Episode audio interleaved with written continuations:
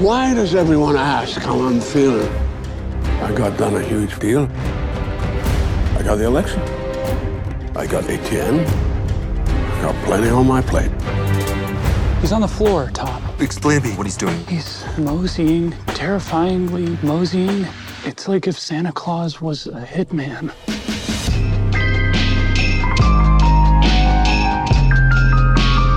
Succession.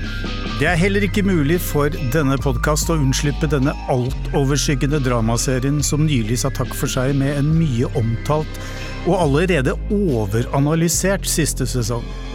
Det var vel bare da såpeseriene Dallas og Dynastiet gikk på norsk fjernsyn på 80-tallet, den gang NRK hadde fullt monopol, at nyhetsmediene har vært så opptatt av en serie. Noe av årsaken til vår fascinasjon for seriens univers er at den drar veksler på vår tids milliardærer og deres familiekonflikter, og den skildrer et stykke rå kapitalisme som vi er fascinert av, men også har en viss, hva skal vi si, avsky for. Men mer om det litt senere. Jeg sitter her sammen med serieskaper Gjermund Stenberg Eriksen og kritiker Einar Aarvig. Velkommen til Den femte statsmakt. Østfold. Eh, dere er begge gamle nok til å ha fulgt den såkalte gullalderen innen dramaformatet de siste, ja, skal vi si 25 årene. Og jeg vet at det er prematurt på grensen til det utidige, men jeg spør likevel, jeg våger å spørre, hvor skal vi plassere Succession i denne gullalderen? Hører den hjemme der oppe på Pantheon, eller er det rett og slett for tidlig å si?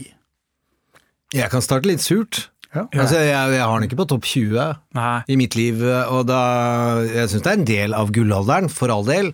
Den står på noen skuldre som er mye større enn den er. Uh, men for, for all del, jeg er jo Jeg har prega to, tre, fire år. Det fins ting som aldri går bort, og som er gullalderen. Og så regner jeg med at det kommer flere av, altså. Godt stykke ned på min topp 20. Jeg tror kanskje den er der, i hvert fall på topp eh, 30. Ja, det, det. Ja. Det som skiller Succession for meg fra de øvre plasseringene, er at jeg neppe kommer til å se det igjen. Jeg er i hvert fall litt usikker på om jeg liksom skal inn i dette universet igjen. Og i hvert fall om jeg kommer til å se det liksom fra start til slutt. Kanskje droppe innom og få noen gylne øyeblikk her og der. Dette er en Tenke høyt-podkast, så jeg tar tilbake litt. Det er noen store framskritt den gjør, og den vinner en del i en tid der det er hardt, altså. Å komme med noe originalt, med en ny stemme som gjør ting som andre ikke gjør. Nå er jo HBO kjent for å tørre å kjøpe det, og det er der jeg vil peke på skuldrene den står på. Ja. Men den får det til, og den ligger inni et mørke kjempelenge. Eh, og underholder på en gang. Det er, det er veldig flinkt. Men jeg nevnte Dallas, øh, og det skal vi komme tilbake til. Uh, Fordi det var jo på den måten via Dallas at uh, serieskaper Jerry Armstrong pitchet denne serien, visstnok. Men altså, på 1980-tallet så hadde jo NRK monopol, og det var jo egentlig ikke noen andre serier å, skrive om. Hvor bodde du? Eh, Jeg bodde på Østlandet. Jeg er fra SVT 1 og 2, så det, vi hadde jo Ja, tre kanaler. nærmere svenskegrensa. Og Dynastiet kom jo den veien også. Svenskegrensa. Vi hadde valg. Ja. Jeg er 20 minutter fra svenskegrenser. fra Men fra Gjermund. men Så uansett- SVT1 og 2 her, og Sky etter hvert, og Super. Ja, og, det kan du bare Men, glemme. men uansett, altså allikevel Jeg kan ikke huske en serie uh, som er blitt så mye omtalt i mediene som Succession. Og uh, jeg husker jo at Sopranos ble veldig omdiskutert siste sesongen og slutten der. Men jeg kan ikke huske den samme graden av massiv omtale. Og jeg lurer på hva skyldes dette?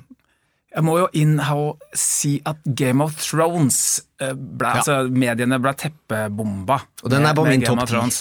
Den er vel også på min topp eh, top 10, og det var ganske mye halloi rundt eh, den, i hvert fall i mitt ekkokammer. Men ja. Men, men poenget mitt, da, Einar interessant å se på likheten også. Da. Ja. Ja, men altså, eh, hva er det ved serien som gjør at vi blir, blir oppslukt og mediene blir fascinert? Eh, jeg prøver liksom å, å, å, å trenge inn i dette med, med Hvorfor fråtser vi det? Hvorfor er vi på en måte fascinert av dette universet? En del av det er jo kikkermentaliteten. Altså må vi jo se hva er det vi kikker på. Vi kikker inn i rom vi ellers aldri får tilgang eh, til. Med Dallas og dynastiet og sånn, så var vi da i, eh, i oljebransjen, i vinbransjen, i Falcon Crest. Exit, så er det finansmenneskene på, på, toppen. Men dette her virker jo, alle disse rommene her virker jo nærmest liksom mondene og tilgjengelige sammenligna med liksom opp oppi det uh, rikmannspantheonet vi er i i uh, Succession, da, hvor uh, folk helt sånn tilforlatelig setter seg inn i et helikopter eller en privatjet med den største selvfølge. Det er også noe med det litt sånn selvfølgelige blikket selve serien har på nettopp dette også. Det er ikke sånn oh, sånn som i Exit, da, se på denne luksusen, og det er liksom ikke noe fråtsete i, i blikket. Dette er helt naturlig for disse menneskene. Mm. Jeg kan på vegne av vi som er langt over snittet medieinteressert, eh, så er det jo noe ved at den handler om medier og mediers makt. Og der har det vært en, eh, et narrativ i internasjonal, norsk og nordisk TV-produksjon at du kan ikke lage fortellinger om aviser, TV-stasjoner eller eierskap, for det blir selvopptatt og ingen vil se på det. Utrolig uklokt og fullstendig feil, gitt at Daily Show med John Stewart beviste at mediekritikk og medieunderholdning på metanivå er et globalt fenomen. Jeg tror han fikk en milliard for de siste to åra på jobb. Eh, eh, og det er ikke fordi at den kanalen er en idealist, men fordi det er markedet. Og så lagde Sorkin Newsroom. Den var litt selvforherligende. Jeg syns den har store kvaliteter som er oversett. Den har svakheter også, for all del. Du vil gjenreise den litt, kanskje? Jo, ja, ja mm. veldig. Men, og ikke minst i norsk kritikerstand, hvis vi er her, å si at Sorkin ikke kan TV-medie eller hvordan medier fungerer, når han har lagd Sportsnight og i West Wing har de største rådgiverne på hvordan medier fungerer, er jo bare tull. Men denne Succession skjer jo samtidig som media er medansvarlig i at verden rives i fillebiter. Mm. Det, er ikke, mm. uh, det er ikke på medier og kommunikasjon, det er ikke et Blindern-fenomen at uh, aviser påvirker, eller uh, nettbruk over tid kan få polariserende effekter. Mm. Vi står ved Vi er i på i 37 i hvor Europa står hen. Dette kan gå fullstendig til helvete. Og disse, å se disse folka da investere og fråtse i det, som om det er bare er forretningsmuligheter. Og så er det jo et medieimperium som går til grunne, egentlig. Åh, det er deilig å se på det òg!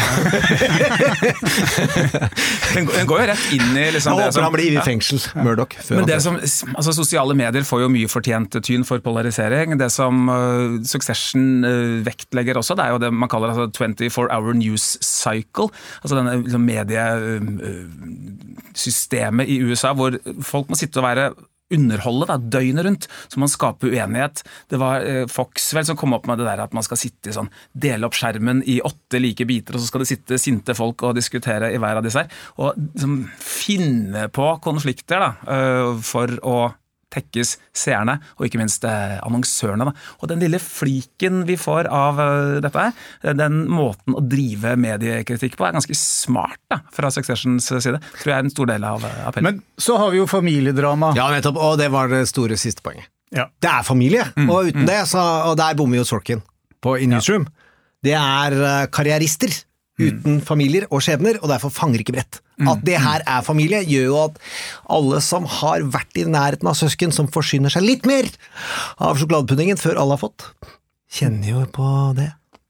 Og så var det jo dette generalgrepet i siste sesongen om at man lar uh, den godeste Logan Roy mm. Og her kommer det en spoiler alert, men altså denne podkasten er full av spoilere. Uh, og han blir da avlivet sånn i tredje, tredje episoden. Eh, og eh, det kom som et sjokk når det egentlig ikke burde ha kommet som et sjokk i det hele tatt.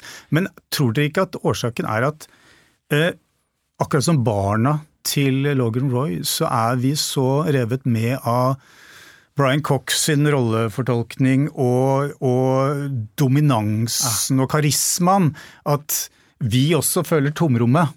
Her kjører jeg besserwisserkort, ja. det fantes ikke overraska. Uh, men, men inn, for inni Hvis man er inne i sjangerboblene, ja. uh, så er det en serie som heter Succession. Like overraskende at han som dør, uh, dør. like overraskende som han, han Breaking Bad, he breaks bad. Eller, det heter Succession. Ja, Eh, Og det er en trommevirvel fra første det. Mm. Eh, hva faen skjer etter at kongen er død? Men det er jo ganske Jeg syns det er en lite, liten genistrek at man greier å få en hovedrolle som man på sett og vis har varslet kommer til å forsvinne, til så uunnværlig at tom, tomheten bare merkes. Den er etterpå. så tom, Ja. og det har, sier alt om innsatsen til Brian Cox. Da. Veldig mange skuespillere de legger inn sånne små, koselige, sympatiske trekk ved drittsekkene de skal eh, spille. Der er ikke Brian Cox. Jeg vet at uh, Da han skulle spille Robert McKee, denne manusguruen, i, uh, i filmen uh, Adaptation, Ja. så fikk Robert McKee lov til å velge skuespiller selv, og det var han som valgte Brian Cox. Og det gjorde han fordi at dette her er den ene skuespilleren som gir beng i hvordan han framstår, og som ikke ønsker å være noe sånn sympatisk og godlynt type. Det er så badass, det er så steinhardt, og det er så ruvende. Og må- samtidig så presist, da, spillet hans. Og alle må se Adaptation og vite at eh, ja, det gjorde Robert McKee. Han ba om å få denne utrolig mørke, harde karakteren, og så ba han om én ting til. Han skal ha en redemption scene helt mot slutten, ellers så godkjenner han ikke. Så han sa at uansett skal jeg være hyggelig in the end, for det er det folk kommer til å huske resten av livet. Ja, jeg nevnte Dallas, men jeg nevnte Dallas fordi pitchen til Armstrong var Dallas møter dogmefilmen Festen. Det var, Ah. det var, det var liksom eh, pitchen. Og, og det, er en, det er jo en interessant sjangercocktail. Eh, og har, har de på en måte fulgt oppskriften? Ja, I tillegg så altså Tematisk er man jo definitivt inne på nå. og Ja. Dette med serier med rike av Dynasti og Falkencrest er jo gammelt nytt. Og det er jo en realisme dette fortelles med, da, som vi ikke er vant med fra liksom, såpeoperasjangeren.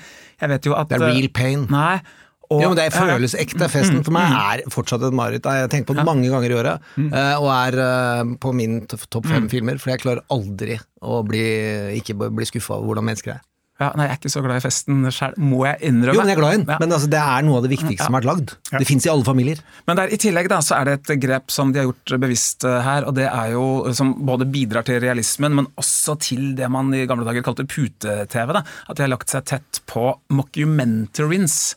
eh, måte å filme på, med disse kjappe zoomene, og hvor eh, vi eh, eh, Altså, folk snakker, kameraet veit liksom ikke helt hvem, hvem er det som snakker nå, men så veit de det litt allikevel. Så det ligger liksom tett på tulledokumentaren. Og det er med på å skape den liksom, satiriske distansen, som er et element som vi også må inn på her. Da. For det er jo følsomt, og det er folk som dør, og det er viktige ting i, i, i media. Men det er en, en serie med mye kødd og satire.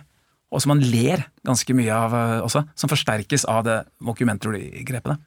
Når det er sagt, så tar jo skuespillerne rollene med det største alvor, og så vidt jeg har forstått, så, er de, så har de hatt stort rom for improvisasjon, i den forstand at de kan eh, Kamera skal på en måte ikke ligge i forkant av skuespillerne, men henge med. Eh, har på en måte, så vidt jeg har forstått, vært filosofien, da. Eh, så, så, så drama er jo, er jo altså hudløst. og og, og, og, vi kommer veldig tett på, og, og det, det er på en måte det er en tragedie, en tragisk dimensjon som er troverdig her. Ja, men det, eh, hvis man skal ta for seg de popkulturelle skuldrene den står på innenfor den delen av sjangeren, så Ja. står den jo da på Thick of It, som uh, lagd av eh, tidligere sjefen til han som er serieskaper her. Eh, Og de fant den formen. Det er i hvert fall ikke sett noen som har lagd den formen før.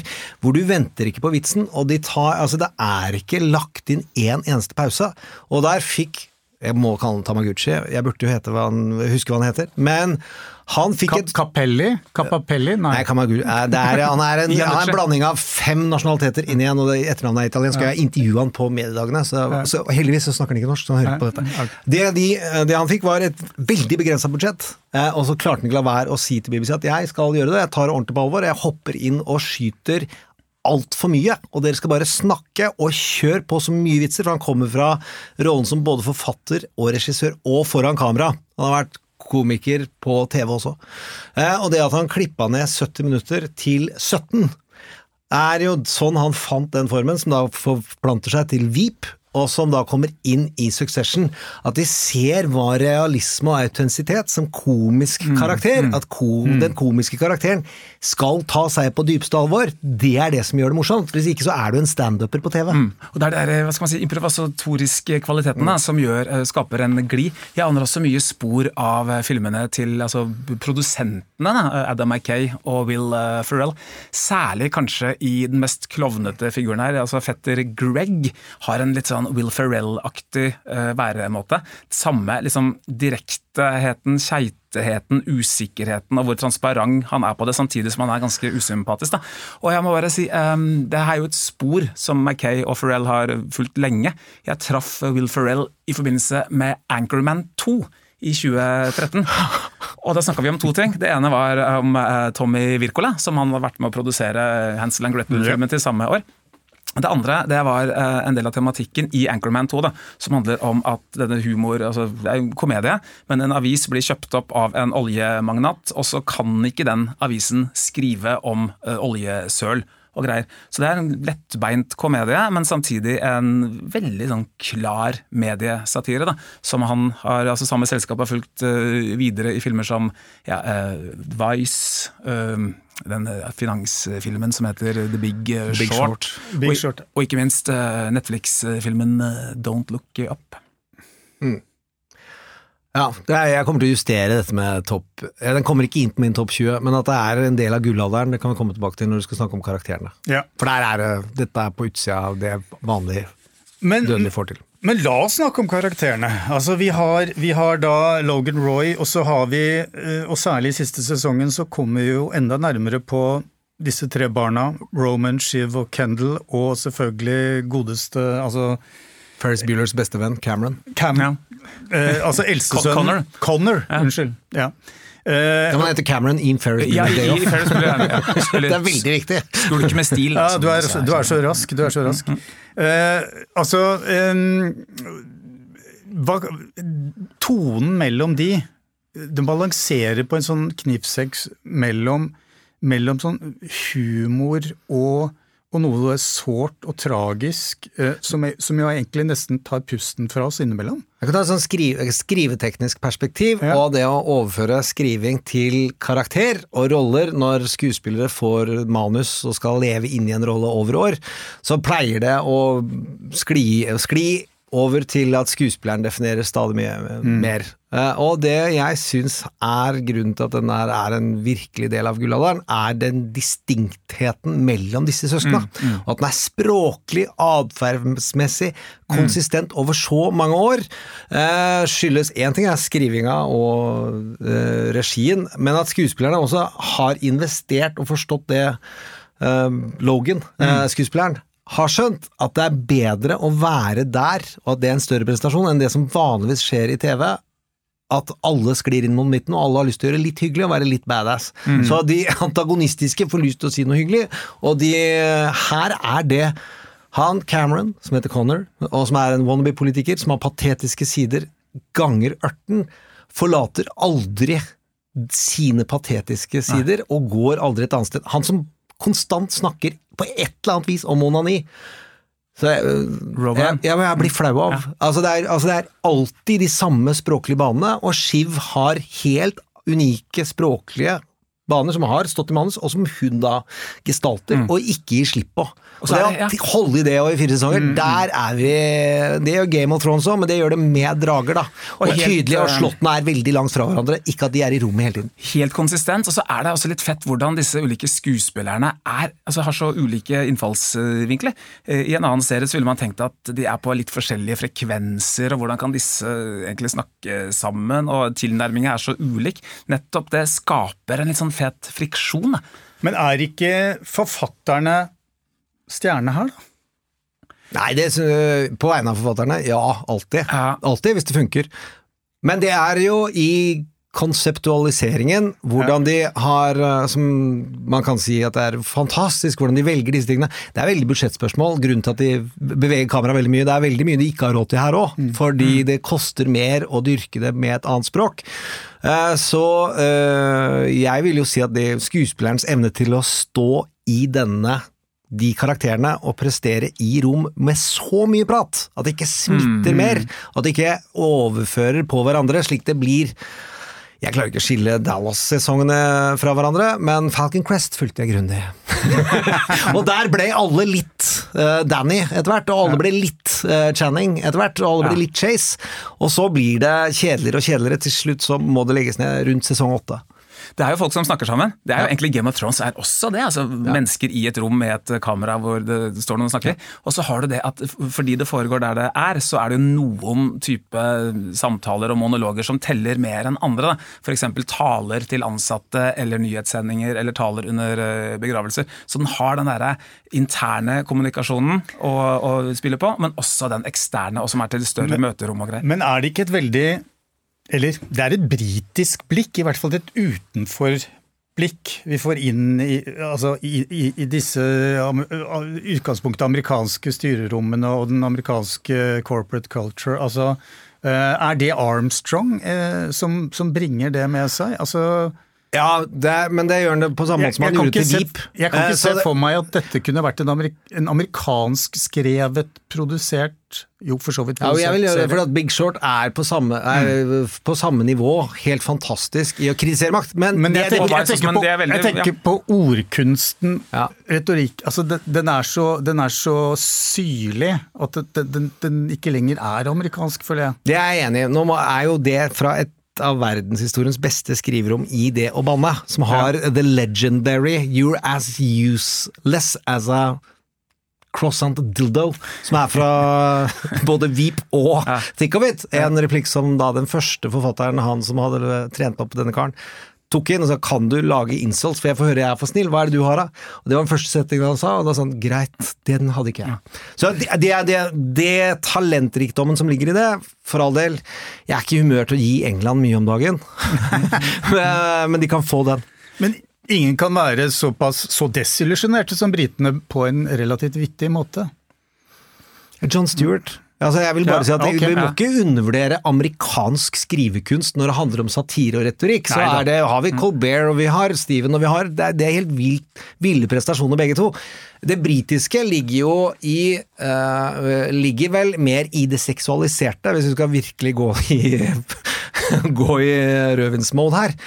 Det er ikke så lett, og ikke så vanlig i amerikansk satire, at det er så gjennomgående vulgært Mm. Og på et jævla eh, rart vis elegant allikevel. Men la meg være litt mer konkret. En amerikansk helt eller antihelt vil alltid ha i hvert fall ett forsonende trekk, eller flere.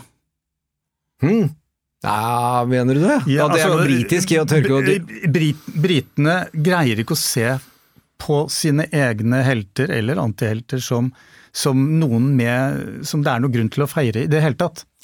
Altså Når vi snakker om drama-boomen da nå, nå, kanskje, nå, trekker jeg deg kanskje ja, inn i en veldig eh, lang og om, Jeg vet ikke nok om det britiske, men, men, mye om det amerikanske. Ja. Enten det er Breaking Bad eller Sopranos eller The Wire. altså Dette er jo en feiring av usympatiske uh, personer. I Sopranos sitt tilfelle så har vi jo kanskje sympati med hovedpersonen i begynnelsen, og så skrelles det av, og så er han egentlig ganske usympatisk. Så det er jo noe seerne er vant til. Det samme gjelder jo Jeg tenker på det, bit, det bitende viddet, altså, mm. og, og, hvordan man eh, Det blir nærmest en, en slags ordkunst ut av, av en form for dyp livspessimisme. Jeg vil, Schopenhauersk ja, Jo, jeg, det jeg vil si er at både den britiske og den amerikanske kulturen har ordkunst og bitende retorikk på et utrolig høyt nivå, men det er den, den syrligheten uh, skal jeg gi England. Uh, altså vil jeg heller gi gult kort og rødt kort til alle andre land. For det, det, er, de stoler på ord på en helt annen kanskje måte. Kanskje man trenger å oppleve et, sitt eget imperium gå til grunne før man kan få ja. den syrligheten. Så amerikanerne er der om, om 30-40 år, kanskje. Ja, briter, i det, det, som er, er at i det amerikanske systemet så er det så mye industri at det er så hardt og så tungt å få gjennom svære, dyre ting at det, der kan det ligge et press på å se et forsonende trekk her og der. Eh, så er det jo ikke i nærheten av så sugarcoata som de som ikke liker USA og amerikansk fortelling skal ha til. Når du kommer sånn britisk, med den bagasjen han har, med de, den treninga han har, så var ikke forventninga Ja, så må du huske på at uh, denne medieimperiet må ha noen forsonende trekk, altså. Og i tillegg, det bygger på Murdoch som har ødelagt verden. Så hvor, hva slags etisk eh, dimensjon skal ligge i å lage forsonende trekk rundt noe som ved siden av Rove tre andre mennesker kan sies å være det jævl... eh, sorry, her er jeg ideologisk. Jævligste eh, den eh, demokratielskende delen av verden ha, har sett. Og han har ødelagt engelskaviser, eh, ikke mange nok i Europa. Du nevner Murdoch, det er nøkkelordet. Um, Nyskilt. ja, da Jerry Hall, Jerry Hall, skilte seg fra Murdoch nylig, så måtte hun love at hun aldri skulle snakke med forfatterteamet fra Succession. Det sto i, i, i kontrakten, skilsmissepapirene. Uh, og det sier jo en god del om hvordan altså, denne serien treffer, og altså, hvordan virkeligheten også imiterer fiksjon her, da, eller? Det ligger jo en innrømmelse i det. Virkeligheten har alltid Altså, det der har hengt sammen, og særlig Murdoch vet jo, siden veldig lite av den nyhetene han formidler er ekte, så han, fiksjon er jo mye av businessen. Ja. Satire. Uansett, eh, han vet kraften i det. Som McKee sa, eh, når han nekta først at man skulle lage adaptation om hans bok og fremstille han som usympatisk. at Jeg har vært egentlig ganske hyggelig i 30 år og bare reist rundt og solgt et tredagerskurs til 5000 kroner.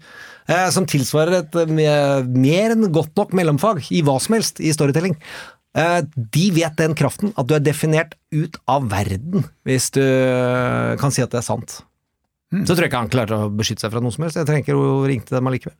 De har vel sagt, serieskaperne, at eh, det er ikke én til én Murdoch eller noen annen Neida. eh, familie, men det ligger jo mye ekte vare. For eksempel altså Disneys oppkjøp av Fox i 2019 ligger jo som en sånn øh, og, og rumler der. eh, Så har vi. Sumner Redstones oppgjør, eller mangeårig konflikt med sin egen datter om, om hans, altså Warner Discovery-imperiet. Eh. Dette har Jesse Armstrong sagt at det handler om at dilemmaene som både forretningen og søsknene skal stå i, de skal helst ha så mye rot i virkeligheten eh, som mulig. Da. Mens personene har kanskje, det har kanskje jeg si, friheter. hvis jeg skal ta sånn gut feeling, så syns jeg det mer er basert på Murdoch, øh, gamlefar, og Trump-barna. Fordi mm, ja, mm. Murdoch-barna er ikke utrente forretningsledere. Det er en grunn til at vi ikke leser så mye dritt om dem som det hadde kommet fram Donny gjennom de greiene her, øh, gjennom Succession.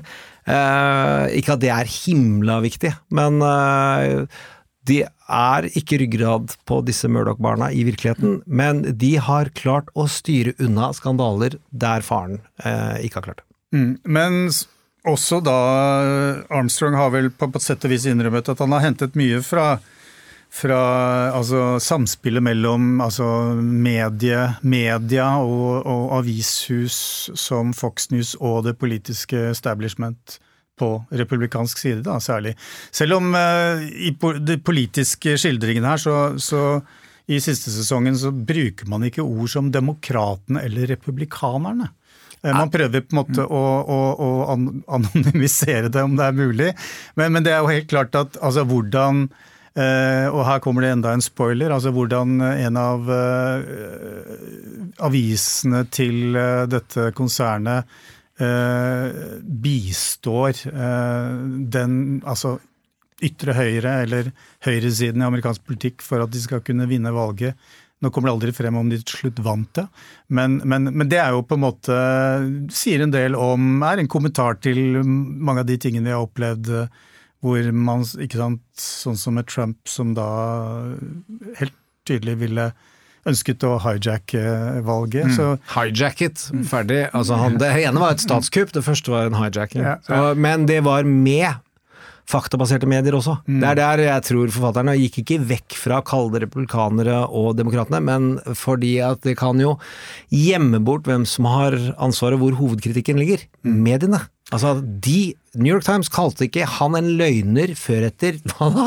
Eh, ett og et halvt år.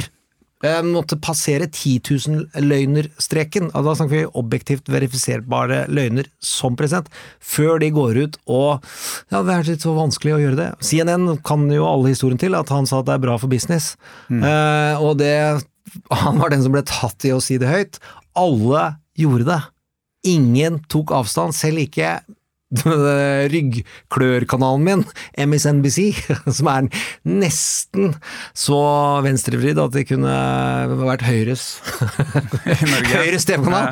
De har også vært kjempeflinke til å utnytte det kommersielt. Nå, etter statskuppet, så har det kommet mer eh, at du har et ansvar i å bringe videre og sånn. Mm. Eh, Så jeg tror det er derfor de tok denne vendinga, med med å ikke fokusere på hvilket parti. Eh, Så syns jeg ikke det var det, Heller ikke det var verdens største Jeg syns ikke denne seriens overordna plottstruktur er det imponerende.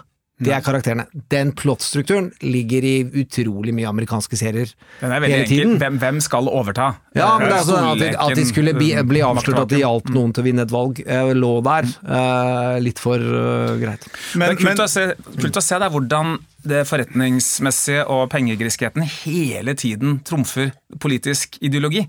Uansett. Altså de, de er jo ikke så ideologiske. Altså Gamle Man Logan er veldig konservativ. Shiv sier jo det Ja. på et tidspunkt når den, amerikanske presidentkandidaten sier at han delte mange av de ideologiske liksom, eh, synspunktene til gamle, gamle Logan. Eh, Så sier hun at eh, han, han var, var opptatt av sladder, sladder, penger og makt. Spilt, altså, politisk farge hadde ingen betydning. Ja, og det er Murdoch, det- ja, ja. Selv har vel også vingla litt etter altså Han støtta vel Tony Blair litt, og har jo Han støtter de hvor, dit hvor penga Ja, går. ja, ja. Så det er, det er, altså, han er høyrevridd i den forstand at han ønsker liten stat og lav skatt, for da kan han bli rik. Uh, han er helt sikkert har sikkert konservative verdier også, i forhold til Det hadde vært fint med om folk var i familie og sånn, men han lever det jo ikke slik. Han har jo hatt toppløse damer som forretningsstrategi, og løgn, eh, og statsnedbrytende medier til alt unntatt Wall Street Journal, som kan, man kan diskutere den editorial-avdelingens streak fra 2015 til 2020 er eh, passer fint i et eller annet eh, organ som kan stemples som assist. Succession toucher jo innom det også. ikke sant? At de sier at nei, sånn Vinsmaking det når ikke det rustbeltefolka som vi skal uh, ha tatt Nei, det var jo helt klart, det. Så de, um, de er glad i vinsmaking sjøl, liksom. det er ikke det. Uh, og dette er en sånn, men, men de vil nå Men Murdoch- kjente det, visste det og var med å utvikle det, og det var Logan. Du ser at disse barna har ikke skjønt hva det vil si. er Hvorfor. Mm. er vi irritert på homofile? Det er jo ikke fordi at vi er irritert på homofile, det er jo fordi at de i rustbeltet er irritert på homofile, og da er ikke de irritert på at medisinene koster skjorta, og at skatten eh, går til eh, skole, fordi de har ikke lyst på lang utdannelse likevel. Og Det kommer fram i en av de fineste scenene til Brian Cox også, hvor han sier at 'jeg veit hvordan verden fungerer', sier han. 'Jeg veit hvordan menneskeheten fungerer', og det er ikke pent. Og det er dette han har kapitalisert på. Og det er en konservativ posisjon, mener de av oss Men- som har gått ut som sosialdemokrater i offentligheten. Og da er vi jo da i ikke sant, eh, tidløse patriarkers ens, altså ensomheten til patriarken, ikke sant, når han beveger seg rundt sammen med livvakten sin og begynner å snakke med livvakten om Eller sjåføren, unnskyld, om eh, Tror du det finnes et liv etter døden, spør han annet. Og jeg vet ikke om, om serien lykkes så godt med å framstille på en måte lederen, altså den det er som er på toppen, ensomheten. Jo. Eh, men eh, ja. Nei, altså, jeg syns det eh, det de får fram, er at det er ekstremt menneskelig på toppen også. At det er ensomt, ikke fordi du er så smart og du er så klok nødvendigvis. Det er jo at det er jævlig vanskelig, han bommer mye, det går til helvete, unge hater han. Uh, Så det er jo som å eh, det, altså, styre en vanskjøtt familie. Men er det ikke det han Logan bruker overfor barna sine hele tiden? At dere er ikke klare, dere fikser ikke det. Ja, han er en sosiopat. Ja. Det er viktig. Så det, de, ingen burde ha en sånn far. Alle, burde, alle kjenner på skammen den dag, de få gangene i løpet av et år. Og han, mm, han er jo bare kjip og grådig, eh, og så er det jo en sånn fin kontrast da, til at eh, disse tre barna hans, og ikke minst altså fire barna, har jo ulike grader av å være patetiske på. Ja. Kanskje særlig Eller Kendall. da. komiske. Ja, Ingen Kendall trekker i hiphop-utstyr Ja, ja. og skal rappe OG til faren Ingen sin. av, sånn, så dem er, ingen av dem er Michael Corleone, alle er Fredo. jeg hadde, altså, Dama har jeg hatt sansen for. Shiv er ganske nærme en Corleone-konstruksjon, Mhm. syns jeg. Hver, de tre første sesongene slutter med at hun kan dras mot fornuften. At det fins noe. Mm. Det er det, they pull her back together, både en forferdelig ektemann, og der du, ja, det, han syns jeg, han synes jeg er Han er- utrolig godt konstruert. Men hun mente jeg hadde da Eller følte jeg mente, herregud, det er jo fiksjon. Men jeg følte at det var Coleone. Hun kunne bryte ut av familien og kunne brukt dette til å skape noe. De andre ville bare ha det av de Selskapet er lagd av feil grunner, og de ville ha det av mer feil grunner enn de feil grunnene. Det ligger jo nesten sånn fæl moral, vet du, at det er, nå spoiler jeg litt igjen, men at det er Tom som seiler opp helt uh, til slutt her. Altså, han, skal ikke, skall, han, han er ikke noen arving. han er jo bare skall med en dress. ja. ja, og han, han kommer jo ikke fra dette uh, flotte og, stedet heller. Og det er ikke en relevant kritikk av den moderne verden. Og så henger jeg meg også opp opp må vi i jobbe i organisasjonslivet, folkens. Men at han heter Tom, det er, tenker jeg, det er ikke tilfeldig. Det er jo en sånn i engelskspråklig litteratur. ikke sant? Sånn der slyngel, opportunistnavn. Tom Sawyer, Tom Brown, Tom Jones. Fetteren i uh, Tom Buckahan i Great Tom Jones? Gatsby? Ja, ok. Ja, ikke, altså, ikke, den, ikke. Jeg trodde det var på norsk metafor for tom dress, så jeg var helt jeg ute jeg nå. Nei, nei, du har helt rett, Ikke oksen fra Wales, men altså, uh, dette, denne Ja, ja. Tom, da. Det har vært diskusjoner. Er, skal USA gå i er- Tom Sawyers Han er retning, eller klasseklatrer. Klasseklatrer. Ja. Opportunist. Veldig typisk eh, amerikansk. Og interessant at skuespilleren Matthew McFadden er britisk og har bakgrunn fra sånn Han har vel spilt Mr. Darcy og greier, vel? I sånne uh, eh. Men klasse er jo også sentralt begrep, eh, tema i, i serien, eh, som jeg kanskje ikke hadde forventet. Altså eh, Det, amerika altså det amerikanske samfunn Men- men det er de, har, de har jo ikke adelskap, de har bare Nei. dynastier. Ja. Så dette er jo noe av det mest amerikanske. Det nærmeste de kommer kongehus, er å dyrke denne type familier. Og de liker å sende glass, glossert, eh, glossy papers, de også. For det er ikke noe verre og vanskeligere å komme inn i eh, varmen her som det er å komme inn i det britiske establishment. Altså, det er jo like vanskelig. Nei, det, altså det er Det er ikke så veldig er- amerikansk, demokratisk, egalitært. Nei, men du kommer inn sånn med sett. penger, da. Ja. Så det er den gamle pengetradisjonen fra østkystmiljøene, som Great Gatsby er en god skildring av, eh, som er veldig britisk eh, holdning til at du har, du har mye fordi du kommer fra en god slekt. Det toget tror jeg heldigvis har gått i, i sånn bred forstand. Så har jeg jo lest meg til at New York er sånn fortsatt i aller høyeste grad, Ja, ja. og at de virkelig ikke De veit ikke navnet på, vet ikke hvem er. Og da kommer vi jo til Lukas Madsson, spilt av Stellan Skarsgård. i- Alexander skal, skal, skal Unnskyld! Stellan, ja. Uh, og, og han er han Altså, jeg, jeg kjøpte jo han som sånn IT-gründer fra Skandinavia ja. uten problemer. Ja, ja, jeg kjøper han i alt, av, men av faglige grunner. Og med liksom overkropp, altså Northman spilt i Viking, da, og den Ja. overkroppen har tatt med seg derfra. Sånn trent, delvis ustabil, veit ikke om han er rusa eller i en form for psykose av og til. Hva han tenker, vanskelig å få tilgang til det. Men vi skjønner jo at han, han deler jo grådigheten og øh, stormannsgal... Men jeg har jo tro på den disruptor-økonomien, så jeg, synes jeg ser jo mye Musk i han. Og det har jo ikke Når de lagde denne karakteren, så visste ikke verden hvor mørk Musk var. Det vet vi jo nå et, Ja. først etter jul, etter at det har vært spilt inn, at det er jo øh, jødehat øh, som spres gjennom Som hans videreformidler og videresender. Kri, kritisk til øh, både det ene og det andre.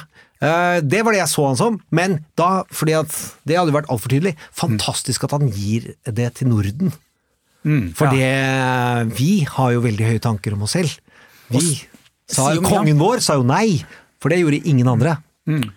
Det er, altså Daniel Ek, da, Spotify-gründeren, spøker vel også litt grann i bakgrunnen her, selv om han kommer fra en litt sånn, hva skal man si, snillere og mykere del. eh, Ta. Ikea, det, men synes vi skal ta en ordentlig en, så er ja, Ikea si, ja. er Ja, mye som tidligere den, eh, den eh, første store sosialdemokratiske, som han lot som han var, milliardæren, eh, kombinert med Spotify-gründeren.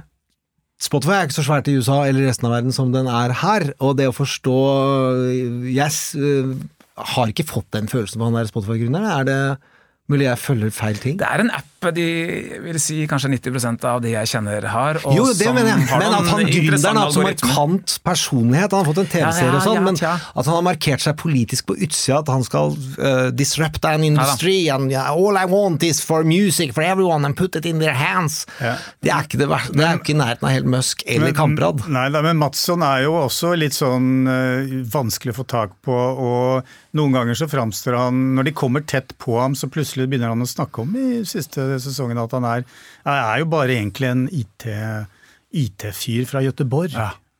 Uh, Men uh, da, da følte jeg at det falt lite grann, men, men, men det var det? Det, plutselig, Jeg var ikke så sikker på om han det interessante ved det var at da, da, det var jo på en måte en liten finte fra hans side.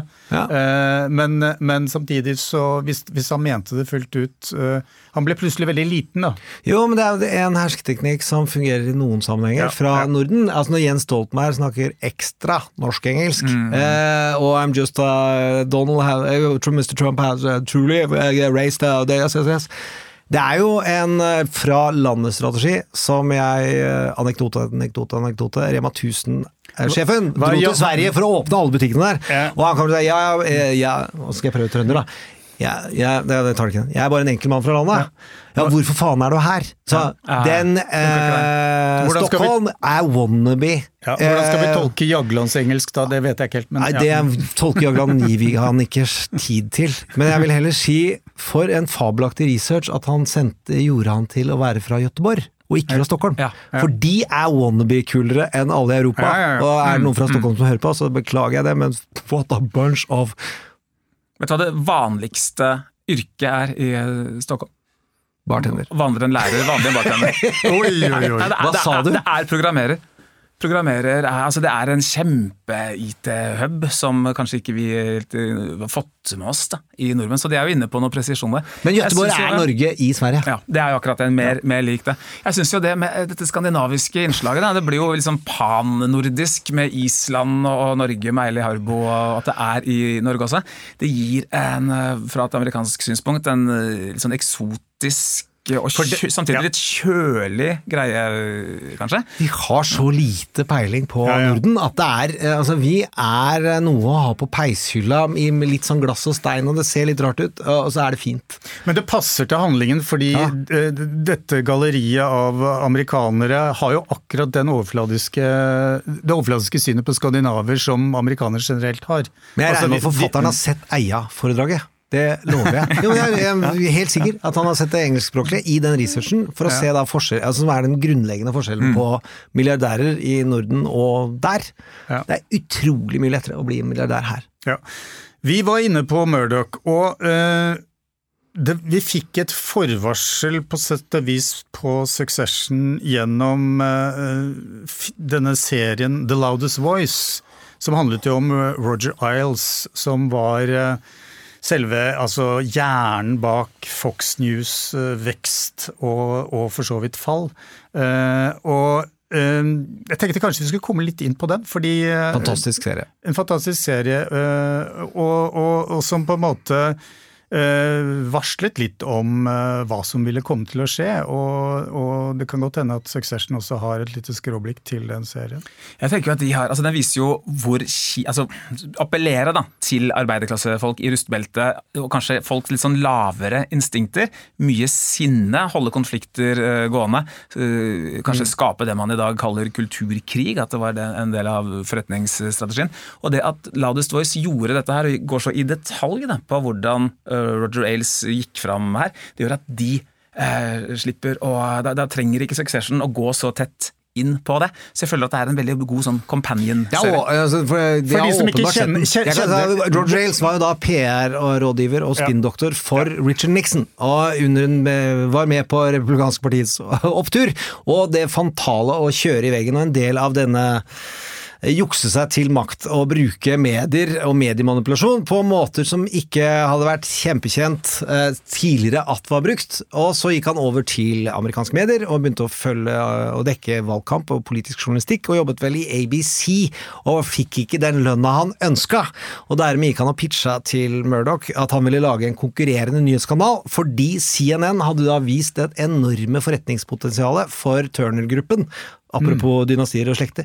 Eh, potensialet i å lage 24, en, eh, 24 timer i døgnet nyheter. Og sånn, det som vi har som en mulighet, er å lage de fortellingene som folk egentlig vil ha. Der det er et stort marked. Det å prøve å samle er tull. Det å lage for de som ser verden som oss, det er riktig. Og da ble Fox News gikk jo fra å være en utfordrer til å ha den helt klart dominante markedsposisjon i 24 timer i døgnet-nyheter på to-tre år. Så hadde CNN blåst seg svære og trodde at de hadde noe veldig unikt i sin tilnærming. Det de hadde var Irak-krig 1. Så folk samlet seg, strømmet til 24 Hour News, fordi man hadde en krig som rammet hele verden. Mens Roger Ailes skjønte at det der går over, det vi trenger er splid internt. Det er mm. konflikt folk skal ha, ikke anstendig sakte forklart hvordan verden henger ja. sammen. Samtidig så er det jo et portrett av et delvis monster. Uh, over, han er en ja. overgriper og noen ja, serievoldtektsmann, ja. mm, mm. uh, og har jo mer eller mindre holdt en dame som uh, sex, ufrivillig sexslave i over et tiår. Så her må vi si helvis et monster. Mye av jeg vet ikke hvor, hvor du kommer fra i Norge. Nei, I Østfold, der vi kommer fra, så er dette uakseptabelt. Dypet av Østfold. I Mysen òg, altså. Hei! Det ryktet setter vi ikke ut. Men, men uh, Roger Isles og altså uh, Fox News og den prisen Fox News da måtte betale for å uh, prøve å tjene penger på rene løgner, og som de visste var rene løgner. Altså, det har vi jo sett nå. og Slutten av Succession berører jo på en måte et mulig etterspill der også. Av, altså hva som utfallet av løgner som også spres der, eh, om hvem som kan, burde eller kan ha vunnet valget osv. Uh, eh, det er laget ett år altså Det er jo det er laget og spilt inn før Fox News har fått sin største bot gjennom tidene, den største i amerikansk mediehistorie. En tredjedel av årsinntekten skal betales til stat for reinspikka løgn og fanteri mm. til et stemmeregistreringsselskap. Uh, så der ligger de godt ved at de varsler en konsekvens. Det det bygger på, er jo kuppforsøket og agitasjonen som, ligger, som er en annen side og et annet rettslig oppgjør rundt Tucker Carlson og den massive voldsforherligelsen han har drevet med over mange år. Der ligger det jo et potensielt neste søksmål. Det visste de om, det var det de bygget etterpå. Og så kom denne milliarden, som jeg også dro på smilebåndet av, at dette stemmemaskinen som er sånn cirka en, som en minibank, minus 90 99% av alle de andre funksjonene. Når den teller én ting. De skal ha én milliard. Det er jo også interessant i Succession hvordan altså, politikken da, for brødrene Roy mot uh, slutten handler jo altså, De driter jo litt i hvem som blir president, de vil bare ha den personen som kan stoppe oppkjøpet fra svensken uh, her. Mm. Og at de, det ligger noe litt sånn Faust-myteaktig der. Da. altså av denne greia der, så selger de sin egen sjel og landet sitt sjel da, til en fyr som, som uomtvistelig er fascist og snakker positivt om, eh, om, Hitler og greier. Og det er så liten pris på en måte de skal ha for å, ja. å selge unna kostebinderiet til Saddam. Og det, er helt, og det skjedde i 2016. Mm. Men når, hvis vi skal gjøre opp litt regnskap her, da. Eh, er Succession en, en effektiv kritikk av uh, kapitalismen? Er det en, er det, er det en, en god kritikk av Mediekritikk? Mm. Hva, hva, kan vi si om det? det er Eller er de, for, er de, for, nærsynte til at det egentlig får noen sånn vidtgående konsekvenser for vår forståelse av serien? Jeg syns at nettopp den enøydheten på kapitalisme øh, og grådighet, da, det er nettopp det som er øh, kvaliteten til øh, Succession. Så må man ikke glemme at det er jo komedieserie, det er satire, det er gøy. De har en musikk som jeg syns liksom, i seg selv forteller alt om hva, hva, dette er og kan være. Det begynner altså med eh, nesten, Det er sånn disharmoni, nesten sånn glass som, som, knuses. Her er det et eller annet kødd, liksom. Sklir over i noe mye mer sånn barokt og, og, og svevende. Hele tiden med de heftige hiphop-rytmene i bakgrunnen. Det ligger musikk over dialog og samtaler nesten hele tiden. Det er ikke en serie som er redd å instruere eh, seeren i tanker og følelser. Og veldig ofte, og på sitt beste, så er det ordentlig, ordentlig morsomt. Da. Nettopp på grunn av liksom, de usympatiske og patetiske rollefigurene vi ser. Og i det så ligger det jo en litt sånn gøyal kapitalismekritikk på en mye mer elegant og hva skal man si, finurlig måte da, enn f.eks. Michael Moores dokumentar. For å gå i den andre enden av skalaen.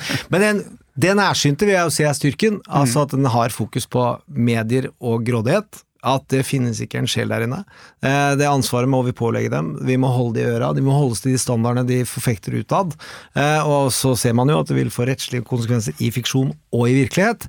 Eh, Det hvis de hadde hatt mer moralistiske, så hadde det blitt mer show and tell istedenfor for show. Og det, der bruker de jo humor til å lagre i minnet. Det at en god vits, vel fortalt, om noe viktig, er de absolutt beste eh, vitsene. Eh, det finnes jækla morsomme opptredener i amerikansk historie, men den beste er når Colbert henger ut George Bush foran George Bush når alle mektige mennesker i USA ser på. Da er den vitsen aller best. Og det, det får Succession til syns jeg den komboen du beskriver mye bedre enn jeg noen gang hadde tenkt på. Jeg vil da si at musikken, strykerpartiene, er som en godt fortalt britisk vits. Min. Så det er den overlegenhet, eh, selvfølgeligheten, hvordan du blir parkert, og du kunne ha sagt noe kult. Det sier jeg som bitter fyr som har hatt britisk sjef i fire år, og de får automatisk 20 poeng mer IQ i rommet, selv om de ikke kan mer. Det bare høres smartere ut. Britisk komponist også, Nicholas Britell, kan jo ha likt det.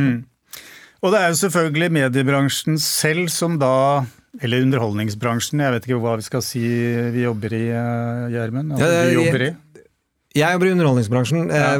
Murdoch-familien og denne her jobber i mediebransjen. De eh, selger og tjener penger på å få folk til å forholde seg til Og- virkelighet. Og er det ikke de da som i siste instans tjener penger på denne mediekritikken? Altså disse... Nei, for HBO er i underholdningsbransjen. Ja. Det er ikke nyhetskanal. Så det, det er men det er jo ikke så lett å se forskjell, og de er, Nei, jo, de, og de er jo ofte de samme eierne. Ja, men det er der nærsynet, nærsynet Lismoen. De Ja.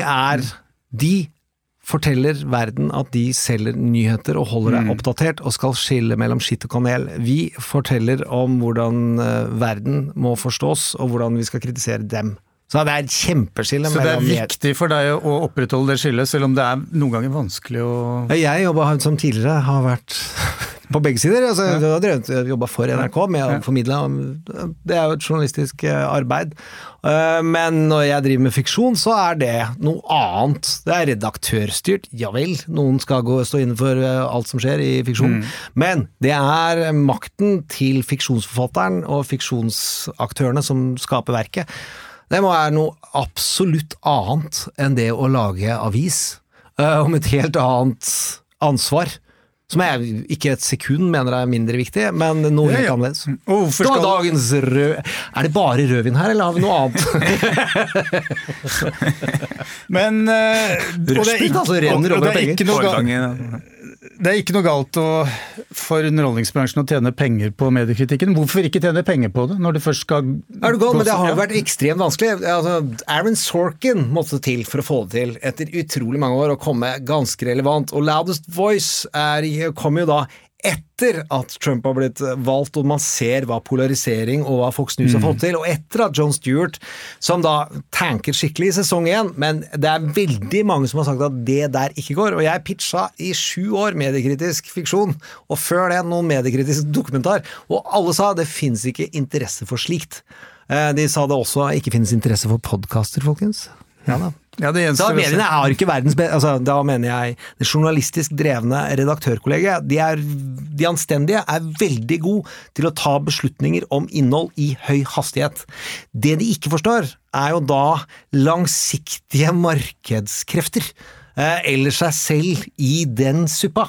Eh, det nærsynet er jo hovedjobben deres, så det er jo derfor de da ikke klarer å kapitalisere på anstendig mediekritikk. Det finnes jo bare tut og medkjør i Norge, som er ble overraskende stort ganske raskt. Eh, og det har ikke Jo, Gjever og gjengen syns jeg er en anstendig samtalekultur rundt vanskelige mediespørsmål. Ta en, um, Men der er jeg så subjektiv. Så- Ja, men det er veldig, veldig Skal vi på en måte se hvordan vi kan runde av det her, da? Det er, Mer vi er mange forsøk her nå på å runde av. Succession gjør det jeg har savna hos Exit. At de har en satire, og at de kødder med det. Et nysgjerrig blikk på rikmannslivet. Og sånn, hva i helvete er det de driver med? Liksom. Mens Exit er sånn oh, se så flott, dette var, og nesten litt sånn misunnelse, nesten litt sånn eh, musikkvideoaktig dyrking av det de holder på med. Det kjølige blikket og den mm. liksom dissekerende satiren i, eh, i, eh, Succession, samtidig som liksom, kikkeren hos oss blir bevart, det der tror jeg mye men, av suksessen burde, ligger. Burde Succession gitt oss mer liksom, når, vi, sant, når, man ser Gudfaren, så, så, så, blir man så forført av stilen og atmosfæren, eh, mens Succession, Succession gir de oss noen sånne sånne ja.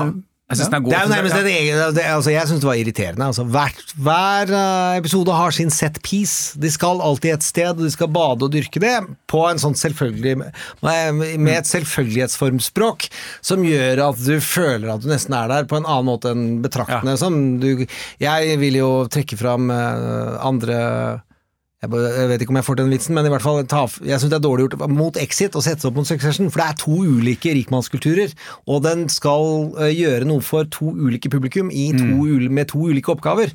Det ene er helt uforståelig uh, rikmannsliv i en nordisk virkelighet som er mye nærmere, det har jeg, vet jeg, fordi jeg har jobbet i reklameverden, eh, finnes exit-folk. Det var ingen overraskelse for meg, men det var åpenbart for veldig mange andre. Succession er å dramatisere et kjent ferniss, og så gå bak det som de visste om.